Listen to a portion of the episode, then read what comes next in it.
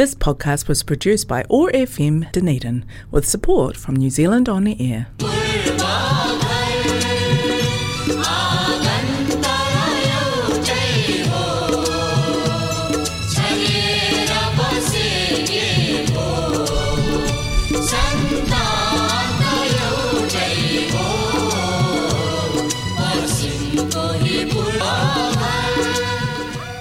नौमाई हायरमाई नमस्ते।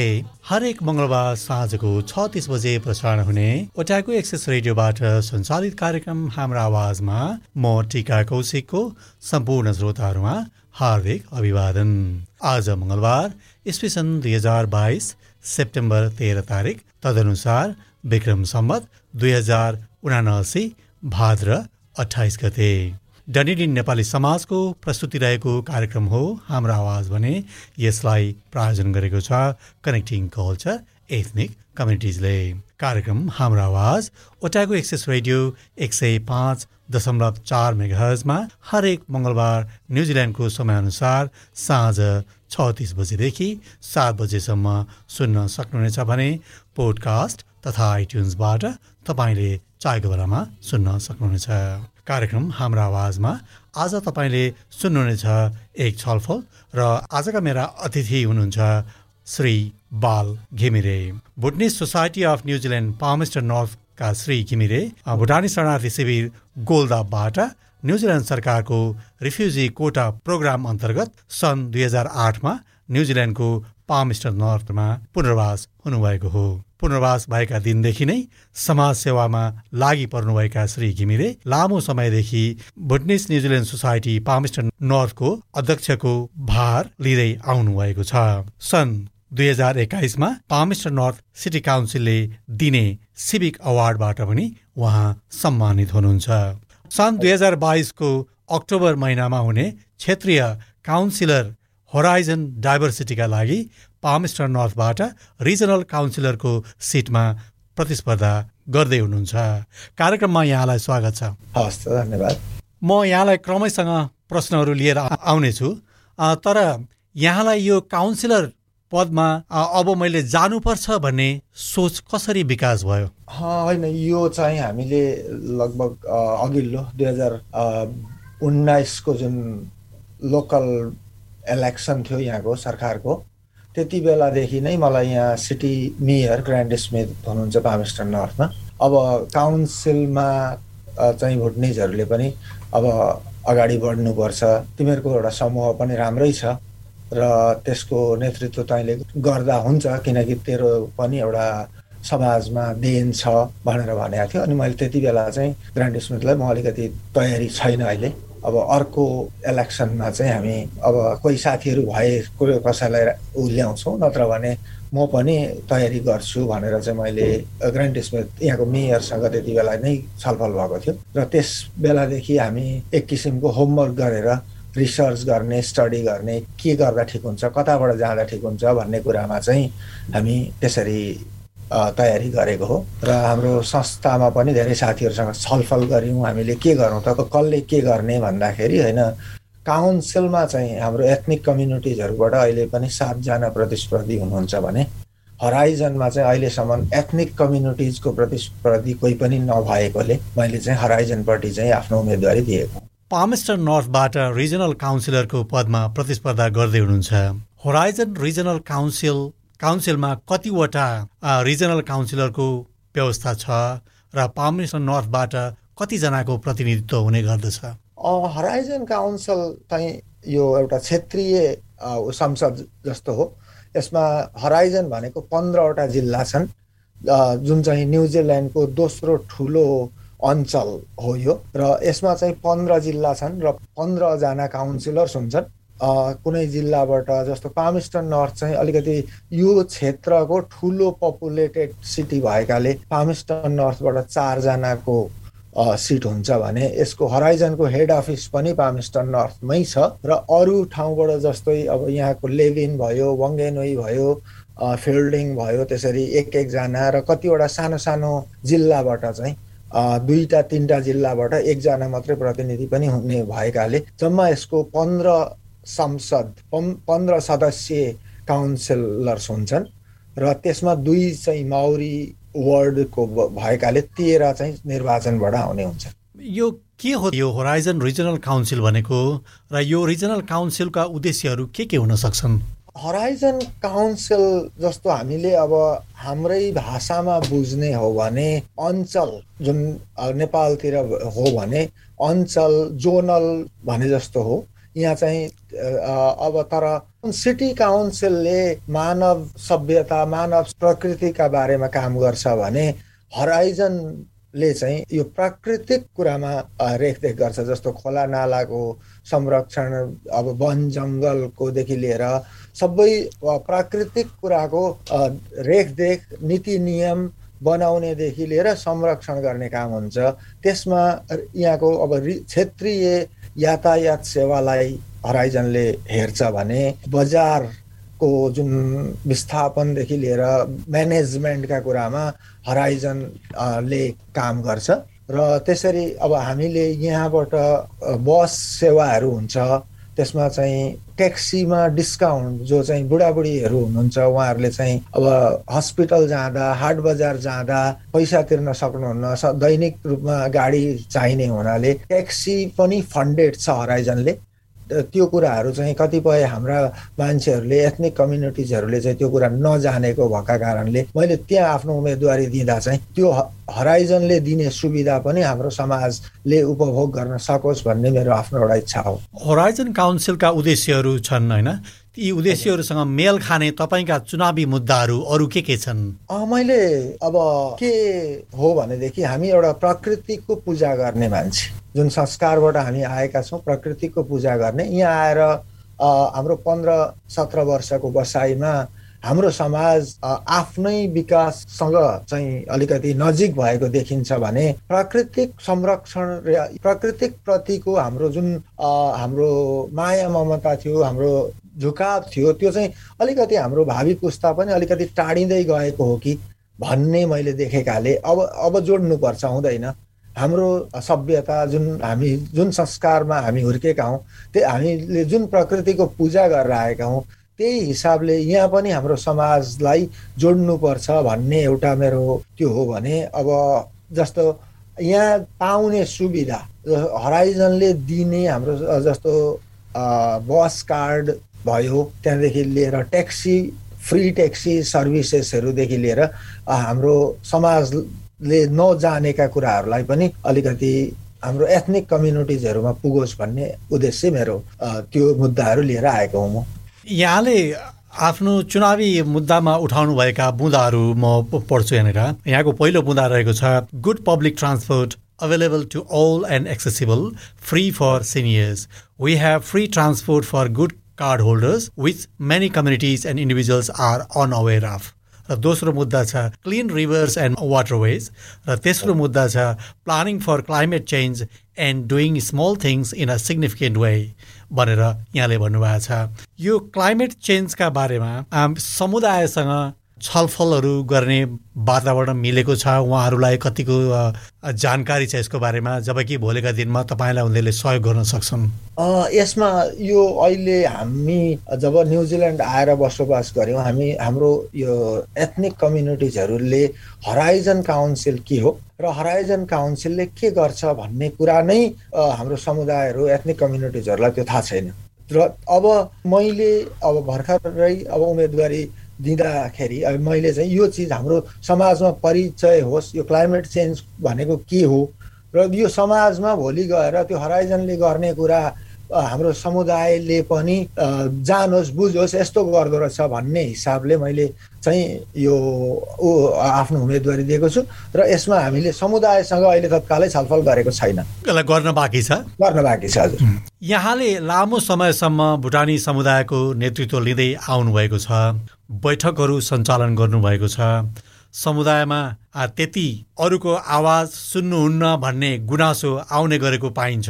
क्षेत्रीय काउन्सिलरको पद प्राप्त गर्न सफल हुनु भएको खण्डमा त अरूको पनि आवाज सुन्नुपर्ने हुन्छ। अरूलाई पनि आवाज सुनाउनु पर्ने हुन्छ।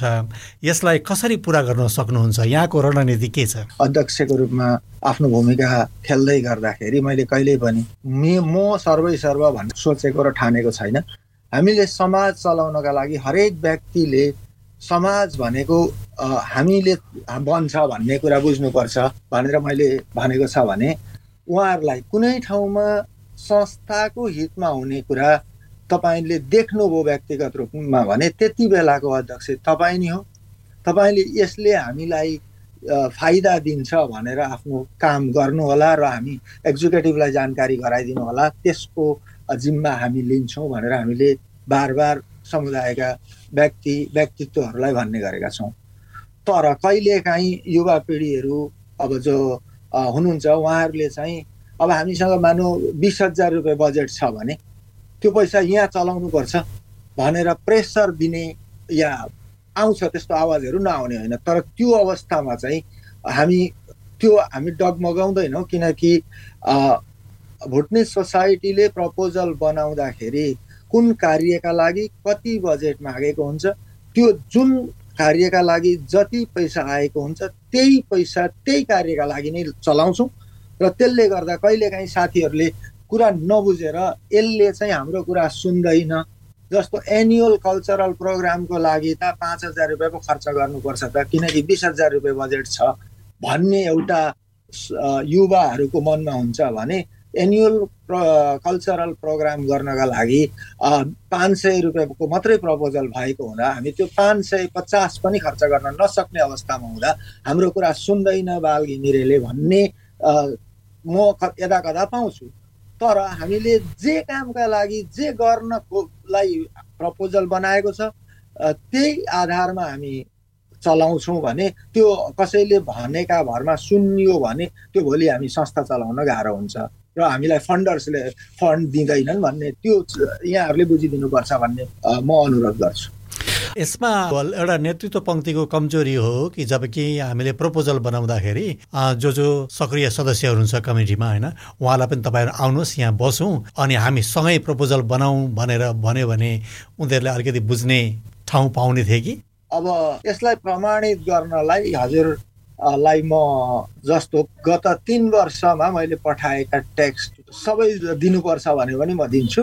र मैले समाजमा हाम्रो दुई सय घर एक सय अस्सी घर भुटानी समाज समानवटुमा भने मसँग मेरो कन्ट्याक्टमा तिन सय बैसठीजनाको ग्रुप मेसेज जान्छ। कुनै पनि काम कुनै पनि कार्य कुनै पनि मिटिङ कुनै पनि सल्लाह एक्जिक्युटिभको मिटिङ भन्दा बाहेक हर इन्फर्मेसन हरेकको मोबाइलमा एउटा टेक्स्ट होइन कहिलेकाहीँ दुईवटा तिनवटा पनि भन्छ र त्यो हुँदा हुँदै आउने जति जो सहभागी हुनुहुन्छ उहाँहरू त्यसमा भाग लिनुहुन्छ। जो आउनुहुन्न भ्याउनुहुन्न त्यसका लागि फेरि हजुरहरू किन आउनु भएन भनेर हामी खोज्दै चाहिँ जाँदैनौँ। र त्यसमा अब कहिलेकाहीँ आफ्नो अवस्था अनुसार मानिसहरू आउने गर्नुहुन्छ। धन्यवाद यहाँलाई प्रश्न पारिदिनु भयो किनभने पदमा बसेर काम गर्न जुन बाहिरबाट भन्न जस्तो सजिलो छैन। यहीँबाट हामी यो सन्देश पनि पठाउँ। कार्यक्रममा विचारको आदान प्रदानमा सहभागी हुनुहोस् छलफलमा भाग लिनुहोस् तब हामीले सँगै मिलेर काम सजिलो गरी गर्न सकिन्छ भन्ने सन्देश जाओस् भन्न चाहन्छु म यहाँलाई। म पनि यस कार्यक्रमबाट के भन्छु भने को कसैले भने कुनै चिज भन्नुभन्दा अगाडि म हामीले हाम्रो संस्थाले कुनै पनि इन्फर्मेसन पठाएको पाउनु भएको छैन भने मैले त्यो इन्फर्मेसन पाइनँ भन्नुहोस् हजुरहरूको मोबाइल या इमेल हामीलाई जोडिदिनुहोस्। हामी तपाईँहरूलाई हाम्रो इन्फर्मेसन सेयर गर्छौँ र तपाईँहरू पनि सहभागी भएर आफ्नो कुराहरू राखेर हामीलाई सहयोग गरिदिनुहोस्। समाज र संस्था भनेको व्यक्तिले चलाउने होइन समूह समुदायले चलाउने हो। त्यसले गर्दा तपाईँ पनि यो संस्थाको एउटा पदमा नभए पनि जिम्मेवार सदस्य भएको हिसाबले पनि तपाईँहरूले हामीलाई हामीले कतै काहीँ कतै गल्ती गर्दैछौँ भने पनि बेला मौकामा मिटिङ बैठक छलफलमा उपस्थित भएर सल्लाह सुझाव दिनुहोला। श्रोताहरू यहाँहरू अहिले सुन्दै हुनुहुन्छ भुटानी समुदाय पामेश्वर नर्थका अध्यक्ष बालकृष्ण घिमिरेसँगको छलफल। हामी छलफल जारी राख्नेछौँ। तर अब एकैछिन लिउँ यो साङ्गीतिक विश्राम जसलाई स्वर दिनुभएको छ दिल्ली अधिकारीले भने। शब्द रहेको छ भीम अधिकारीको र सङ्गीत भर्नुभएको छ सुशील विश्वकर्माले। मेरो यो मन नेपाली मेरो नेपाली यो तन हो नेपाली।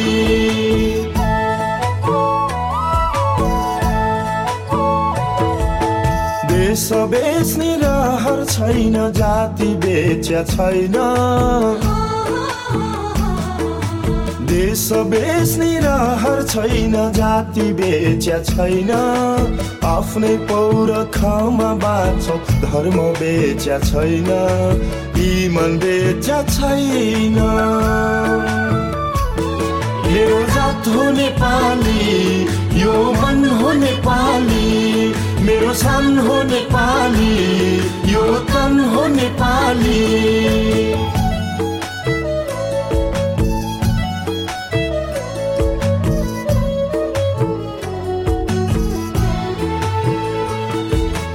कसले कसको जाति किन्ने कसको मूल्य माथि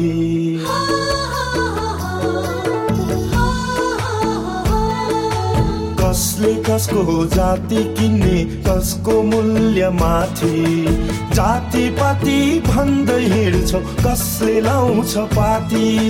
जाति पाति भन्दै हिँड्छौ कसले लाउँछ पाती? बुझौ अब नेपाली हो। नेपाली जाति एउटै हो। मेरो जात हो नेपाली यो मन हो नेपाली मेरो सान हो नेपाली यो तन हो नेपाली।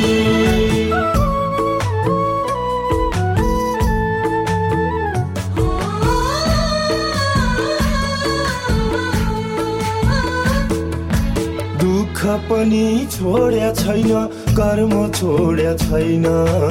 आफ्नै पसिनाले शरीर ओभाउन सक्या छैन।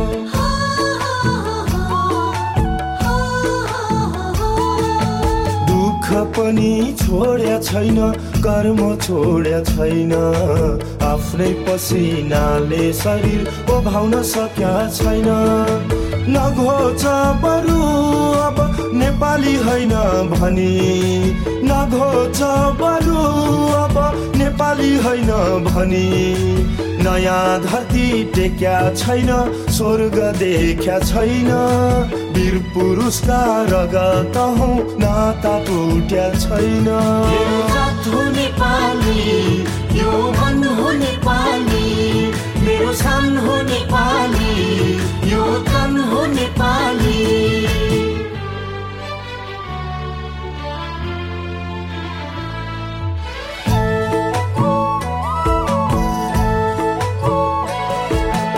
धर्म भन्नु धागो बुझौँ माला उन्न सिकौँ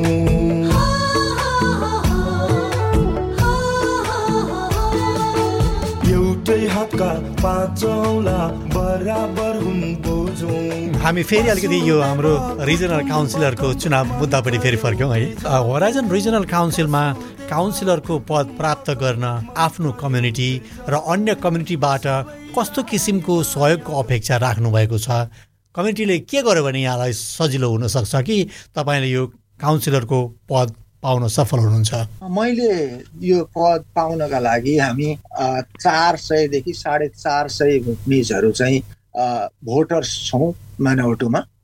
त्यसमध्ये फिल्डिङको छप्पन्नजना भोटर्सहरू हुनुहुन्छ जसले चाहिँ मलाई भोट दिन पाउनुहुन्न।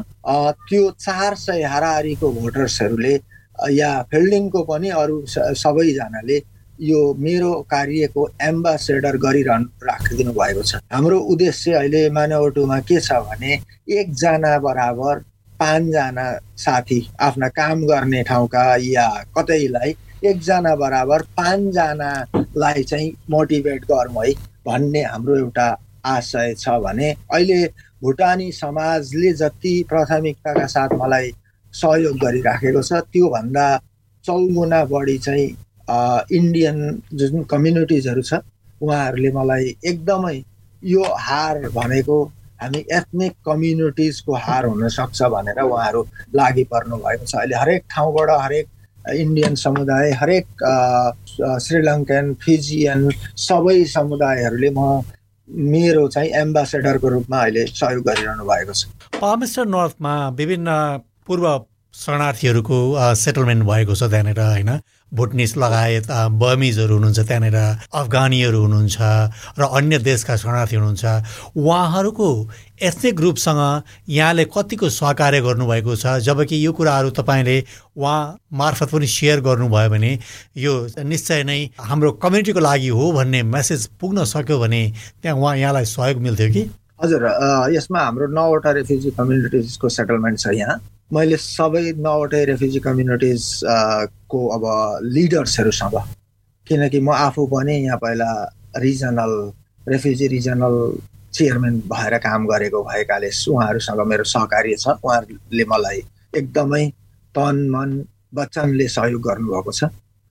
उहाँहरूले उहाँहरूले पनि जसरी अब हामी भुटनिजहरूले गरेका छौँ रेफ्युजी या रेफ्युजी ब्याकग्राउन्डबाट आएका सबैजनाले म प्रति एउटा सहयोगको भाव राखेर काम गरिरहनु भएको छ। यो चाहिँ अब सबै विभिन्न जात जातिका लागि एउटा प्रतिनिधित्व गर्ने काम बन्छ। कुनै पनि संस्थामा एउटा कर्मचारी भएर काम गर्दाखेरि त्यहाँनिर सिर्फ एउटा टेक्निसियनको रूपमा काम हुन्छ भने यो चाहिँ जनप्रतिनिधि मार्फत आफ्नो आवाजहरू ठाउँमा पुर्याउने एउटा निर्णय गर्न सक्ने ठाउँमा पुर्याउनु पर्ने हो। यो मेसेजहरूका लागि तपाईँको सहकार्य भएको छ छलफल भएको छ मिटिङहरू भएको छ। भएको छ हजुर। यो सबै हामीले रेफ्युजी कम्युनिटिजहरू भयो सबै यहाँको एथनिक अर्गनाइजेसन जति पनि छन् पाम पामिस्टन नर्थमा उहाँहरूसँग मेरो छलफल सहकार्य उहाँहरूसँग मात्रै नभएर यहाँको क्युवी कम्युनिटिजहरूसँग पनि मैले चाहिँ सब उहाँहरूसँग उ सहकार्य गरेर जस्तो पब्लिक नोटिस बोर्डतिर पनि आफ्नो उहरू राखेर सहकार्य गरेको छु गर्दैछु। अब हामी लगभग कार्यक्रमको अन्त्यतिर आइसकेको छौँ बालजी। अब यो भोटका लागि प्राय घर घरमा चिठीका रूपमा आउँछ होला भोट खसाल्ने होइन? त्यसको प्रक्रिया तपाईँले बुझ्नु भए अनुसार के छ त्यो अलिकति भनिदिनुहोस् न जब कि सुन्ने श्रोताहरूले त्यहाँबाट बुझ्न सक्नुहुन्छ। यहाँ के हुन्छ भनेदेखि सोह्र सेप्टेम्बरबाट डिएक्स मेलद्वारा घर घरमा भोटिङ पेपर पठाइन्छ र काउन्सिलको योजना सोह्र सत्र अठार र उन्नाइसमा सबै घरमा यो भोटिङ पेपर्सहरू पुर्याउने योजना छ। र मलाई सहयोग चाहिँ के गर्दा हुन्छ भनेदेखि मेरा साथीभाइ इष्टमित्र चिन्ने जान्नेले चुज एनी फोर पाँच मध्ये चारजनालाई टिक लगाउनु भनेर त्यहाँ एउटा आएको हुन्छ भने तपाईँहरूले मेरा लागि चाहिँ एउटा टिक मात्रै लगाइदिनु भयो भने त्यो मेरा लागि सबैभन्दा ठुलो सहयोग हुन्छ। यहाँहरू जतिले सुन्ने यहाँबाट सुनिरहनु भएको छ त्यो पा चार मध्ये नभ चार मध्ये पाँच मध्ये चार नगरेर एउटा मात्रै ठिक गरिदिनु भयो भने हामी पाँच सय भोटमा अगाडि हुन्छौँ भने त्यसरी जित्ने सम्भावनामा म धेरै अगाडि छु र मैले यो सहयोग चाहिँ हाम्रो रेफ्युजी कम्युनिटिजहरू सबैसँग यसरी मागेको छु। हामी कार्यक्रमको लगभग अन्त्यतिर आइसकेको छौँ बालजी। जाँदा जाँदै यो हाम्रो आवाज सुन्ने श्रोताहरूलाई के भन्न चाहनुहुन्छ?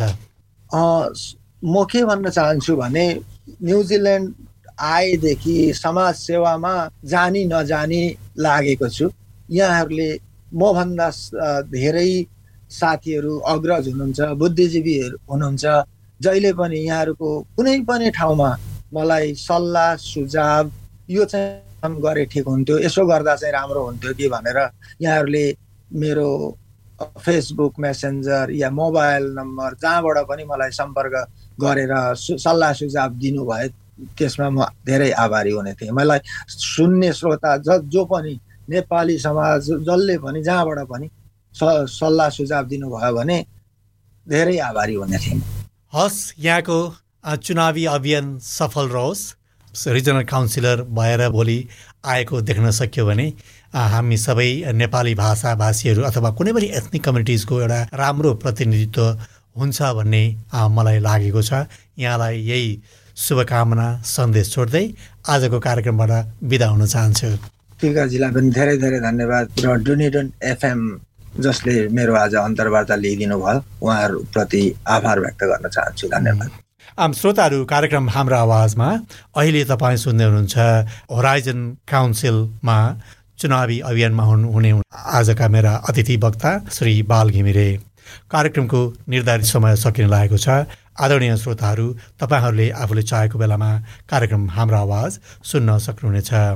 यदि तपाईँ आइओएस चलाउनुहुन्छ भने सिधै आइट्युन्सबाट र एन्ड्रोइड चलाउनुहुन्छ भने तपाईँले पोडकास्ट एपबाट हाम्रो आवाज टाइप गरेर सर्च गर्नुभयो भने हाम्रो आवाज ओट्यागो एक्सेस रेडियो स्वत देखिन्छ।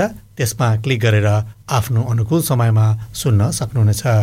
पोडकास्ट एपबाट यहाँहरूले सब्सक्राइब पनि गर्न सक्नुहुनेछ।